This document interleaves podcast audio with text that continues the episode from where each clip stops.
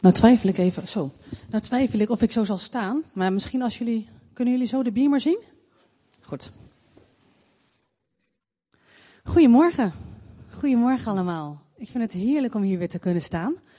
En uh, ik heb het vorige keer dat ik sprak, heb ik het gehad over de bril waardoor je kijkt. Voor de mensen die er waren, misschien weet je het nog. Um, de ervaringen die je opdoet in het leven, die geven je blik als het ware een bepaalde kleur, een bepaalde bril. En daardoor heb je dingen ook een, uh, zie je dingen op een bepaalde manier, ervaar je dingen op een bepaalde manier, maar ook God ervaar je op een bepaalde manier. Ik denk toch dat ik even wat lager ga staan als je het niet heel erg vindt.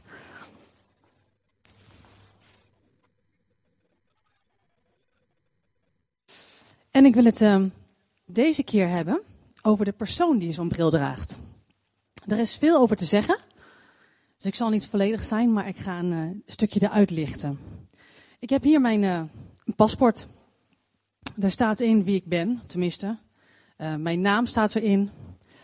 Corporaal, echtgenote van Bus.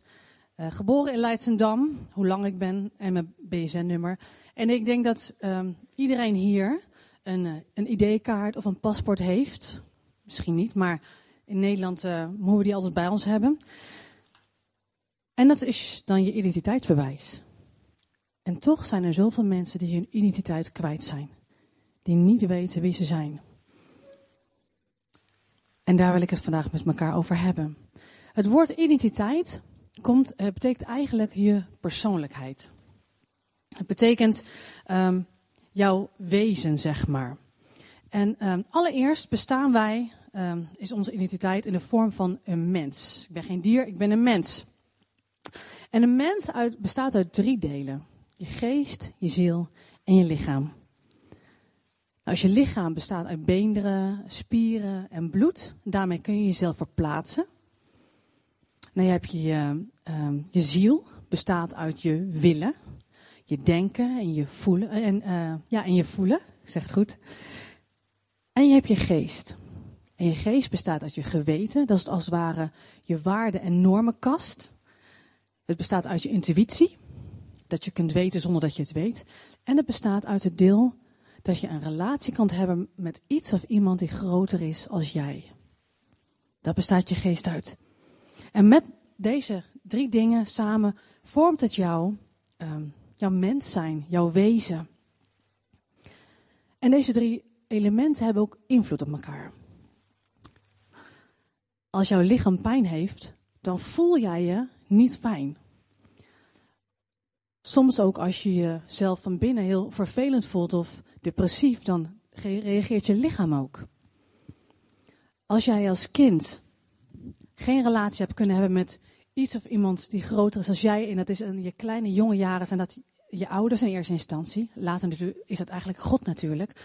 Maar als jij geen goede relatie hebt kunnen opbouwen in jouw jonge jaren met jouw moeder, met jouw ouders, dan zal jouw ziel en jouw lichaam daar ook op reageren. Dus alles heeft verband met elkaar. Nou, je identiteit ontwikkelt zich, die groeit. Je leert eerst als jong kind leer je vertrouwen, je leert um, keuzes maken, je leert dat jij een aandeel hebt in relaties, je leert dat jij ertoe doet, als het goed is. Want het kan ook zijn dat jij wantrouwen leert. Het kan ook zijn dat er geen ruimte is om keuzes te leren maken. Het kan ook zijn dat jij niet ontdekt dat jij ertoe doet. En sommige mensen leren alleen maar de les van overleven.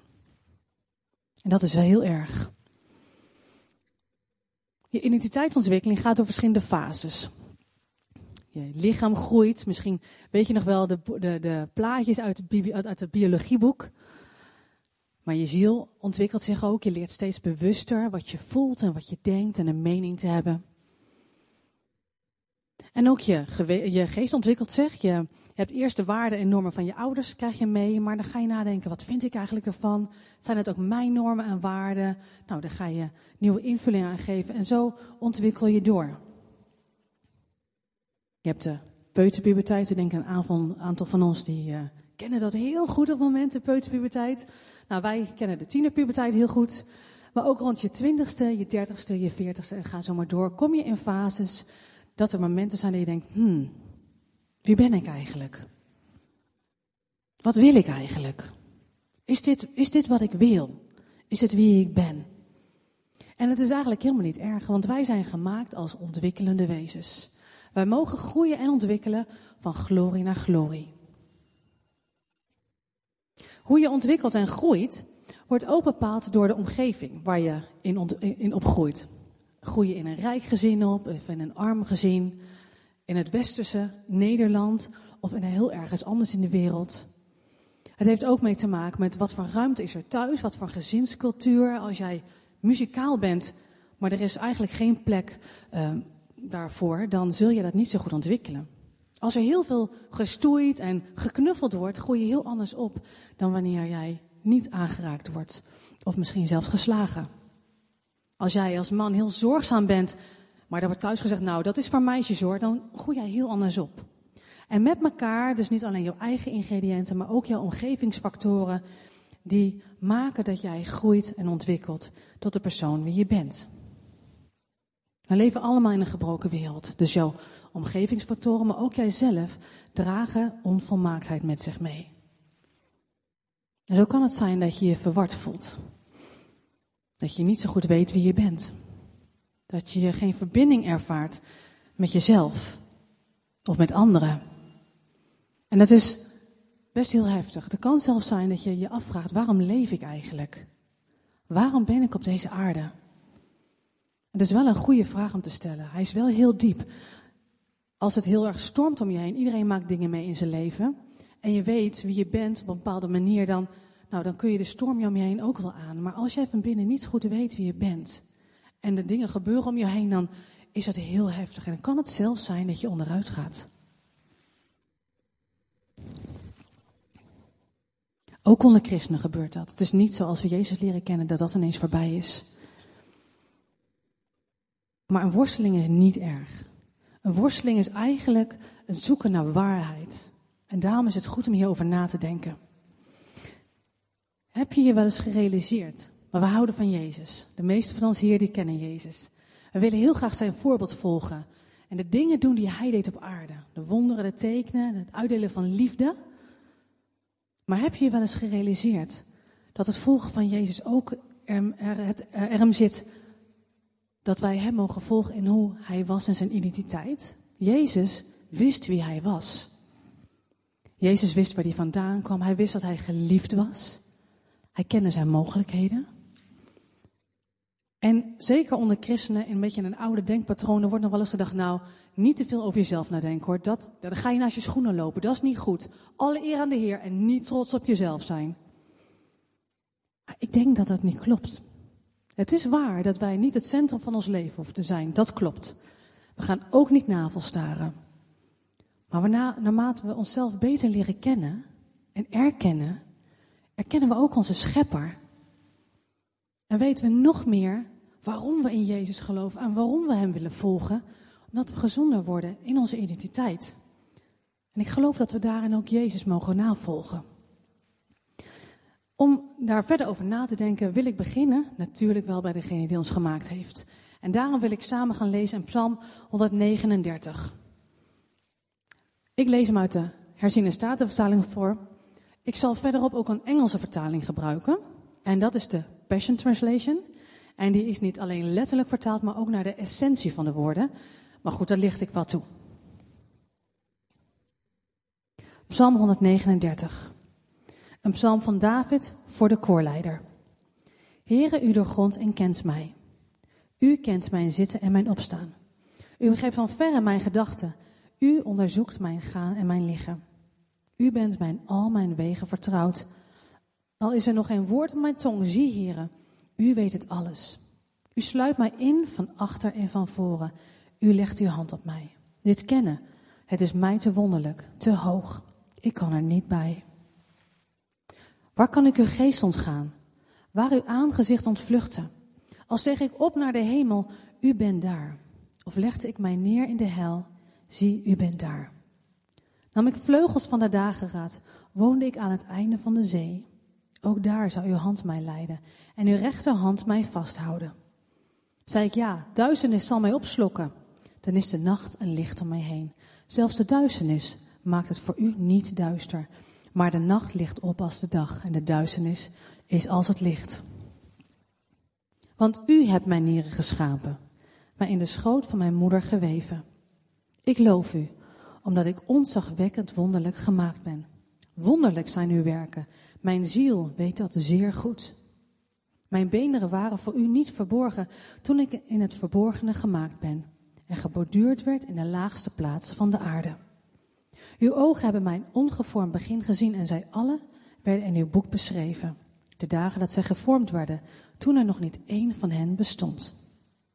Daarom, hoe kostbaar zijn mij uw gedachten, o God, hoe machtig groot is een aantal. Zou ik ze tellen, ze zijn talrijker dan korrels zand.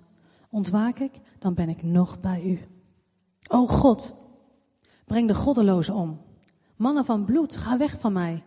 Want met listige plannen spreken zij over u en zetten zij uw vijanden aan tot valsheid. Zou ik niet haten, heren, wie u haten? Walgen van wie tegen u opstaan? Ik haat hen met een volkomen haat. Mijn eigen vijanden zijn het. Doorgrond mij, o God, en ken mijn hart. Beproef mij en ken mijn gedachten. Zie of er bij mij een schadelijke weg is en leid mij op de eeuwige weg. Een prachtige psalm over hoe God ons gemaakt heeft. En als je naar de eerste zes versen kijkt, dan zie je hoe God God ons kent. Hij kent ons door en door. Al voordat jij wat wil zeggen, wat wil denken, God weet het al. Ik heb in die Engelse vertaling vers 5 opgezocht.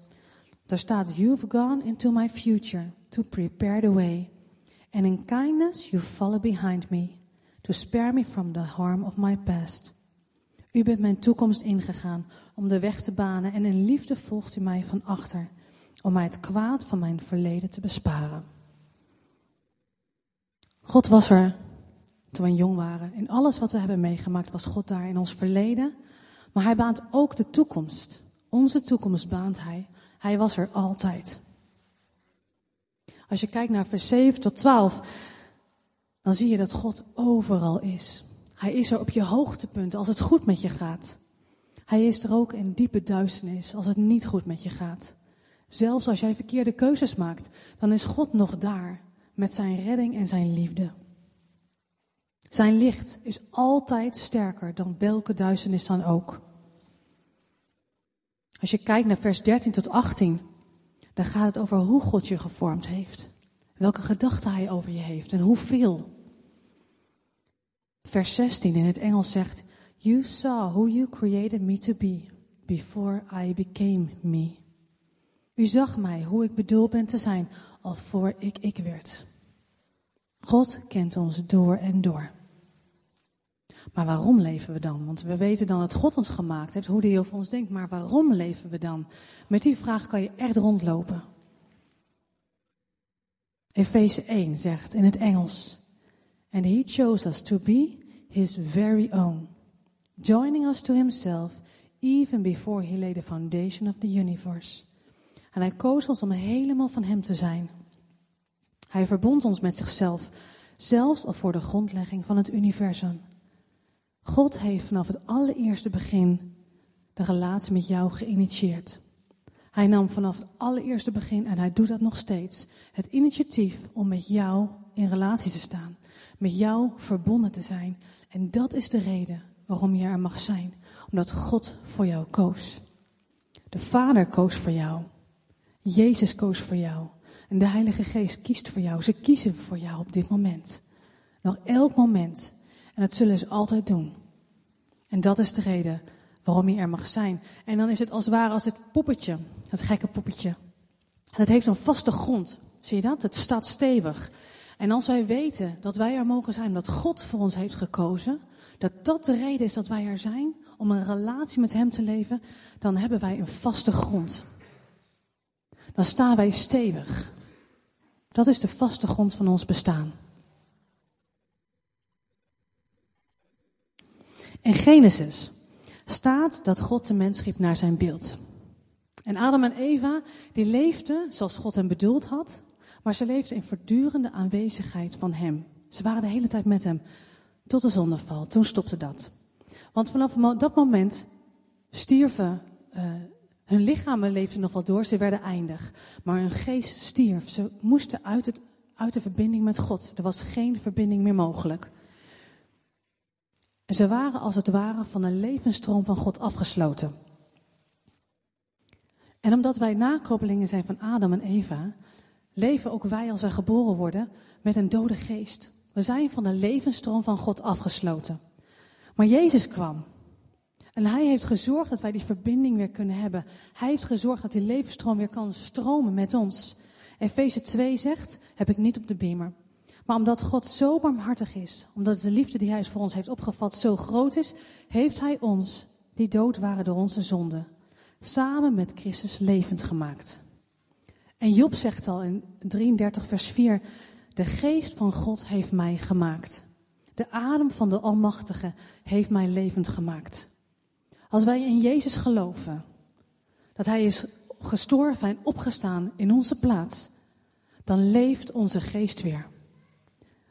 En zijn wij weer in staat om een verbinding te hebben, relatie met te hebben met Hem die groter, groter is en die hoger is als wij. Dit is zo'n belangrijke bouwsteen voor onze identiteit. Je leeft omdat God voor jou koos, maar je geest leeft ook weer omdat de verbinding met Hem hersteld is. Dat hoort bij jou. En soms denk je dan, nou oké, ik hoor wat je zegt. Misschien zit je wel en denk, nou mooi, ik hoor het met mijn hoofd, maar mijn hart voelt dat nog niet helemaal. Nou, dan komen we op het gebied van je ziel. Want in je ziel, daar zit je voelen, je denken, je willen. Als je, um, stel, je wordt uh, thuis kluns genoemd als kind, weet je altijd kluns genoemd. Ach, kluns, je kan ook helemaal niks. Dan voel je je rot. Of je voelt je beschaamd, of je voelt je schuldig. Je voelt je naar. En daar ga je dan gedachten over krijgen. Hmm, misschien kan ik ook wel niks. Als mijn ouders het zeggen, misschien ben ik ook wel niet oké. En dan, je woont op jezelf en er is iets kapot in huis en denk je, ah, laat maar. Ik kan het toch niet maken, want ik kan eigenlijk niks. Ik ben niet handig. Terwijl misschien ben je wel handig. Alleen ben je gaan geloven wat anderen over jou zeiden. En is dat gaan uh, in jouw ziel gaan zitten. En loop je dus een deuk op in je ziel. Het kan ook zijn dat je mooie herinneringen opdoet. Je werd bevestigd ergens in en je voelde je heel blij over. En daardoor kreeg je um, vertrouwen in je denken en ging je ook gezonde keuzes maken. Als je kijkt naar Psalm 139 en kijkt naar de versen 19 tot 22, dan lijken die versen best wel uit de toon te vallen. Het gaat over godloze mannen, mannen van bloed. Ga weg van mij, zegt David. En ik heb eigenlijk nooit begrepen waarom deze staan. En een psalm waar God praat over hoe mooi Hij ons heeft gemaakt en hoe bijzonder Hij ons vindt. Maar weet je, als jij aan Carlino komt, of als je aan Elisa of de Jong komt, dan kom je aan mij. Dan kom je mij tegen. Echt. Want zo werkt het met een verbondsrelatie, toch? Wie aan hun komt, komt aan mij. Weet je, wie aan jou komt, komt aan God. Want God heeft zich met jou verbonden. Als er machten zijn, godloze mannen, mannen van bloed, die in jouw gedachten prenten die God niet over jou denkt, leugens, onwaarheden, dan komen ze aan God.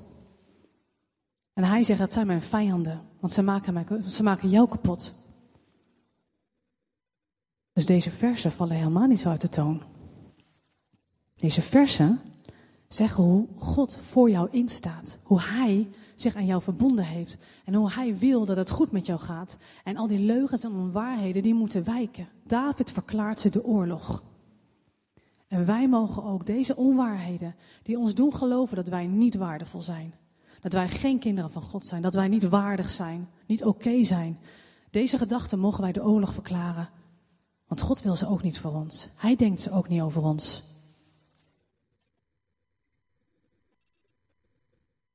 En als je kijkt naar vers 23 en 24 van diezelfde psalm, dan staat er: Doorgrond mij, o God, en ken mijn hart.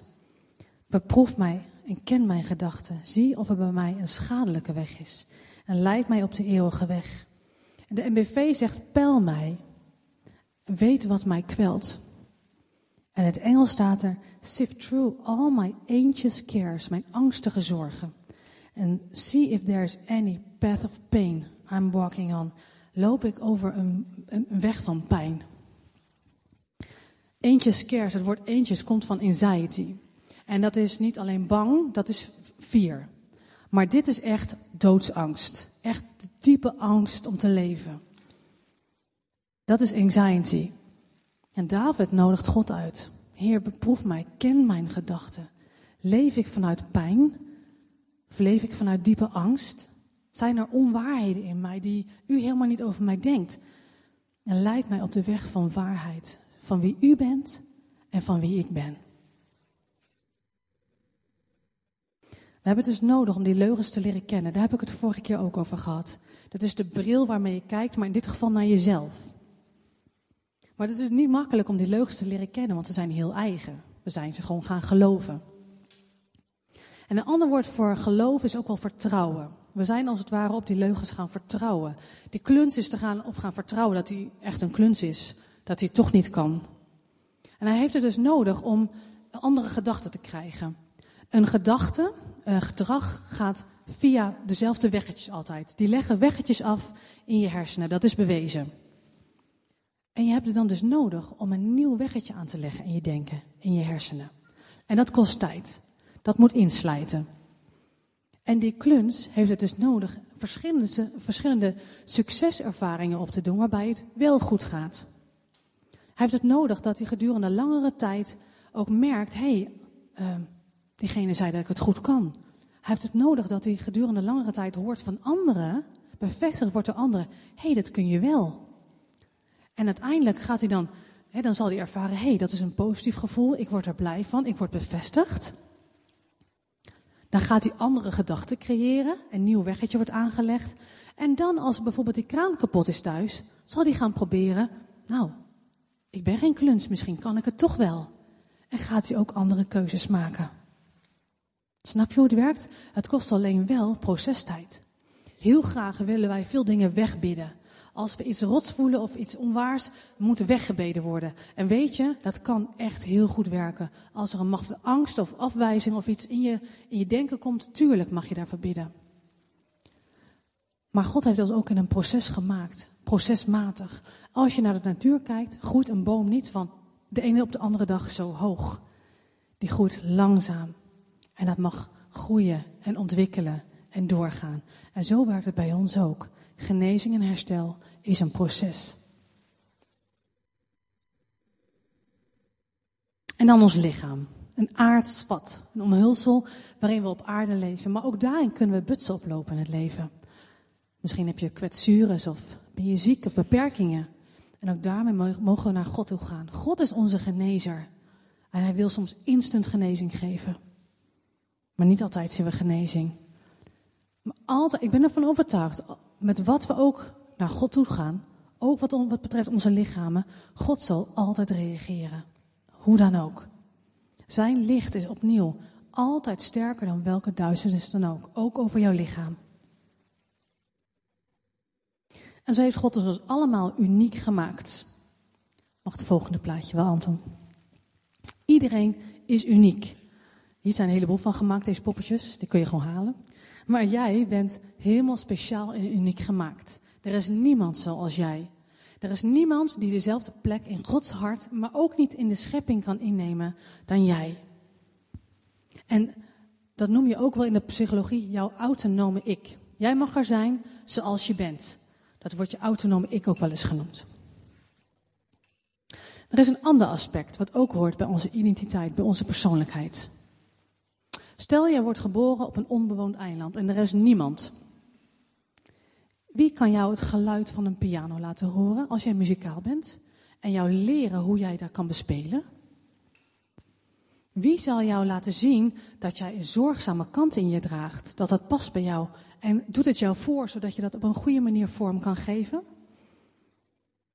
Je hebt mensen nodig. We hebben niet alleen God nodig, we hebben ook elkaar nodig. We hebben de ander nodig om onszelf te leren kennen, om te groeien en te ontdekken. We hebben ook elkaar nodig om herstel te vinden. Ik was vroeger een heel bleu, uh, wat ja, uh, verlegen meisje. Ik had niet echt een mening. Ik wist niet echt wat ik van dingen vond. Ik kon niet echt praten, had ik niet echt geleerd. En toen leerde ik Carlino kennen. En door hem heb ik leren praten. Door hem heb ik mijn, mening leren vormen. En er zijn nog meer factoren. Maar hij heeft een hele grote rol gespeeld in mijn ontwikkeling. De periode dat ik samen met Peter optrok, is voor mij heel belangrijk geweest. Want hij was op dat moment een vaderfiguur van mij, die ik op dat moment heel hard nodig had. En daar heb ik heel veel herstel ook en groei door leren, uh, door ontvangen. En zo kan het zijn dat we elkaar heel erg nodig hebben. Als jij bent afgewezen, heb je het nodig om positieve ervaringen op te doen die die oude overschrijven. En daar heb je van God nodig, maar heb je ook van elkaar nodig. We zijn gemaakt naar Gods evenbeeld. In Genesis zegt God, het is niet goed dat de mensen alleen zijn. We denken vaak aan een huwelijk, maar ik geloof dat het veel meer is. Het gaat over relatie. God is een relatiegerichte God. En wij zijn naar zijn beeld relatiegericht gemaakt. En we hebben elkaar dus nodig. Maar het is niet altijd makkelijk om uit te delen, complimenten of bevestiging te geven. Zeker niet. Onze cultuur is het niet heel erg gewend. Maar soms hebben we zelf ook nog zo'n gat in ons hart en zo'n gemis in ons leven dat we zelf nog zo'n bevestiging nodig hebben. En dan is het niet makkelijk om uit te delen. Maar toch wil ik een oproep doen om dat wel te doen.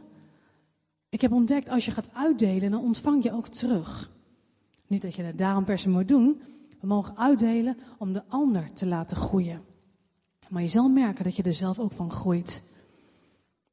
En dan bedoel ik niet alleen bevestiging, God heb je leuke schoenen aan, wat echt mag. Dat is helemaal oké. Maar ik bedoel ook dat je elkaar erkent van, goh, je bent zo attent. Ik waardeer dat in je. En die ander voelt zich dan gezien. Dat is al winst. En vervolgens zal hij denken, hmm, iemand anders zei het laatst ook al. Zal attent zijn dan bij mij passen? Zal het iets zijn van mijn persoonlijkheid, wat bij mij hoort? En die ander groeit en ontwikkelt daarin. Nou klinkt het misschien wel een beetje tegenstrijdig. Ben je nou autonoom, je mag jezelf zijn, of ben je afhankelijk van anderen? Nou, dan moet je even kijken naar het woord afhankelijk. Uh, afhankelijk betekent dat je iets nodig hebt. Ik heb water nodig, wie nog meer? Je denkt wij allemaal. We zijn afhankelijk van water. En dat is niet erg. Ik heb ook uh, bevestiging nodig. Dat is niet erg. Ik ben relatiegericht gemaakt. Maar wanneer ik een gat in mijn hart heb en ik heb de bevestiging van anderen nodig om dat gat te vullen, om als het ware mijn bestaansrecht vorm te geven, dan wordt het wat minder gezond. Want mijn bestaansrecht ligt niet in de mening van mensen, ligt niet in wat anderen van mij vinden, maar mijn bestaansrecht ligt alleen bij God. Alleen Hij kan zeggen dat ik bedoeld ben om er te zijn. En ik heb wel de bevestiging ook van anderen nodig, want ik ben relatiegericht gemaakt. Snap je het verschil? Als het je bestaansrecht bepaalt, de mening van mensen, dan is het niet gezond. Dan, dan leef je vanuit wat anderen van jou vinden. En de ene dag zeggen ze dat je oké bent en de andere dag ben je dat niet. En wie ben je dan? Maar God wil dat jij weet, je bent oké zoals jij bent. Want ik heb jou gemaakt en ik heb jou gekozen. En de mening van mensen kunnen we dan ook iets beter plaatsen. Als dan iemand zegt, hé, hey, dat vind ik niet oké, dan kun je denken, hmm, nou, ten eerste, ik ben wel oké. Heb ik iets gedaan wat misschien niet handig was? Daar kun je dan misschien wat aan doen. Of je kunt het naast je neerleggen als het niet klopt. Maar dan is jouw fundament in jou is vast. Want jij weet, ik mag er zijn omdat God mij koos. Zo leren we om zonder muur te leven. Want God heeft ons gemaakt om vrij te leven. Niet van achter een muur, maar in vrijheid. Onszelf te zijn en daarmee zijn liefde zichtbaar te maken. En hemzelf. Tot slot, in Matthäus 22, daar zegt Jezus, heb de Heere God lief, met heel uw hart, heel uw ziel en heel uw verstand. Dat is het grootste en het eerste gebod. Het tweede daaraan gelijk is, heb uw naaste lief als uzelf. God wil jouw eerste liefde zijn. Hij wil de eerste plek zijn in jouw leven. Jij bent zijn eerste plek. Hij houdt van jou. En daarnaast mogen we leren dat we van onszelf mogen houden. En van de ander. En van onszelf. En het is best spannend. Zeker als je negatief over jezelf denkt. Soms is het ook veilig om negatief over jezelf te denken. Want als dan een keer een afwijzing komt, dan denk je, ja, zie je wel, ik wist wel dat ik niet oké was. Maar dat is niet de waarheid over jou. Dat is niet Gods waarheid. Dat denkt Hij niet over jou. Dat hoef jij ook niet over jouzelf te denken. Het is een spannende weg om Jezus hierin te volgen. Maar ja, dat is het immers altijd als we Jezus willen volgen. Jezus volgen is een spannend avontuur. Het is een avontuur van ontdekken wie we zijn, van groeien, van accepteren wie we zijn. Van het leren herkennen van keuzes die je misschien anders kunt maken. Gedachten die niet Gods gedachten zijn dan wat God dan wel over je denkt. Het kan ook een avontuur zijn waarbij rouw hoort. Als je moet rouwen om wat er niet is geweest, wat je zo nodig had. Of als je wel hebt gekregen wat je helemaal niet had moeten krijgen. Maar God is daarbij. De Heilige Geest, die doet jouw leven. Hij sterkt jou door dit proces heen. Hij helpt je. Durven we het aan om Jezus voorbeeld te volgen? Om gezond te worden in onze identiteit, onszelf aan te kijken. En misschien wel gedachten die we hebben die niet van Hem zijn, terug te geven. Durven we het aan om de ander te zien, de ander te bemoedigen en te bevestigen, ook als we dat zelf nog zo nodig hebben. We hoeven het niet alleen te doen. God is met ons en Hij heeft onze gezondheid en die van onze broers en zussen op het oog. Ik heb nog wat praktische tips. Want misschien heb, vind je dat wel fijn. Hoe doe je dit nou? Nou, vraag God welke leugens je bent gaan geloven over jouzelf en welke gedachten je hebt die Hij niet over jou heeft. We hebben vorige keer natuurlijk ook al een beetje een begin mee gemaakt, maar het is echt een goede vraag. Vraag het gewoon regelmatig. Heer, zijn er dingen die ik ben gaan geloven die u niet over mij gelooft? Zijn er keuzes die ik gemaakt heb die misschien niet in overeenstemming zijn met u? Die misschien niet zo gezond zijn? En vraag hem nieuwe gedachten die hij wel over jou heeft. Herhaal deze nieuwe gedachten elke dag minimaal 40 dagen lang. Weet je wat zo grappig is? Ik was het aan het uh, hierover na aan denken. En ik vond een onderzoek dat um, dat weggetje waar ik het over had, wat je gedachten, die maken een weggetje aan. Hè? Om een nieuw weggetje aan te maken, of nieuw gedrag aan te leren, dat kost minstens 40 dagen. En toen moest ik wel een beetje grinniken. Want ik denk, als we, ons, hè, als we de Bijbel kennen, dan zien we hoe vaak het getal 40 wordt genoemd. 40 jaar, 40 dagen. En dan vind ik wel heel grappig dat God daarmee een, uh, zo'n zo'n uh, zo'n mogelijkheid geeft om in 40 dagen te kunnen veranderen. Maak een moodboard of een tekening en hang die ergens waar je hem 40 dagen lang kan zien. Misschien heb je wel een idee gekregen van God hoe hij even over je denkt. Maak daar een moodboard van of een tekening. Of iets creatiefs als je daar goed in bent of als je dat leuk vindt.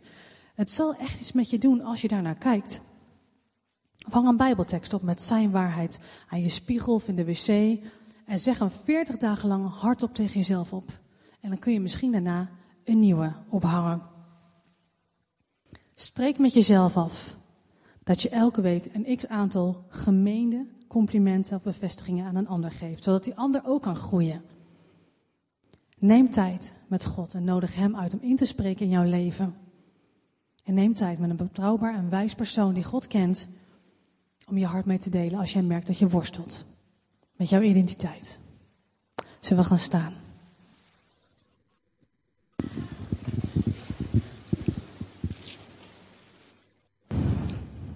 Lieve Vader, Heer, u kent ons door en door. Heer, u heeft ons bedoeld, u heeft ons gemaakt, u heeft ons gevormd. En u denkt zoveel over ons, we kunnen dat helemaal niet bevatten. Heer, uw liefde is zo oneindig groot. Zo genadig en zo trouw. Dank u wel dat u ons kent door en door. Wat we ook hebben gedaan en waar we ook vandaan komen. Heer, u was daar. Waar we ook heen gaan, u bent ook daar. Dank u wel voor uw, voor uw gezondheid, Heer. Die u ook voor onze identiteit bedoeld hebt, Heer. Op elk vlak van ons leven, Heer, heeft u gezondheid bedoeld. Heeft u niet bedoeld dat wij deuken oplopen, dat wij butsen oplopen, maar wil u heelheid geven. Heer, we nodigen u uit op dit moment om in onze geest, in onze ziel, in ons lichaam te werken, Heer. En daar onwaarheden aan het licht te brengen. Leugens misschien die we zijn gaan uh, ja, geloven, waarop, waarop we zijn gaan vertrouwen. In ieder geval als we in ons lichaam ervaren dat daar um, ongezondheid is. Heer, we willen het op dit moment bij u brengen. En u uitnodigen met uw genezende hand, met uw herstellende hand.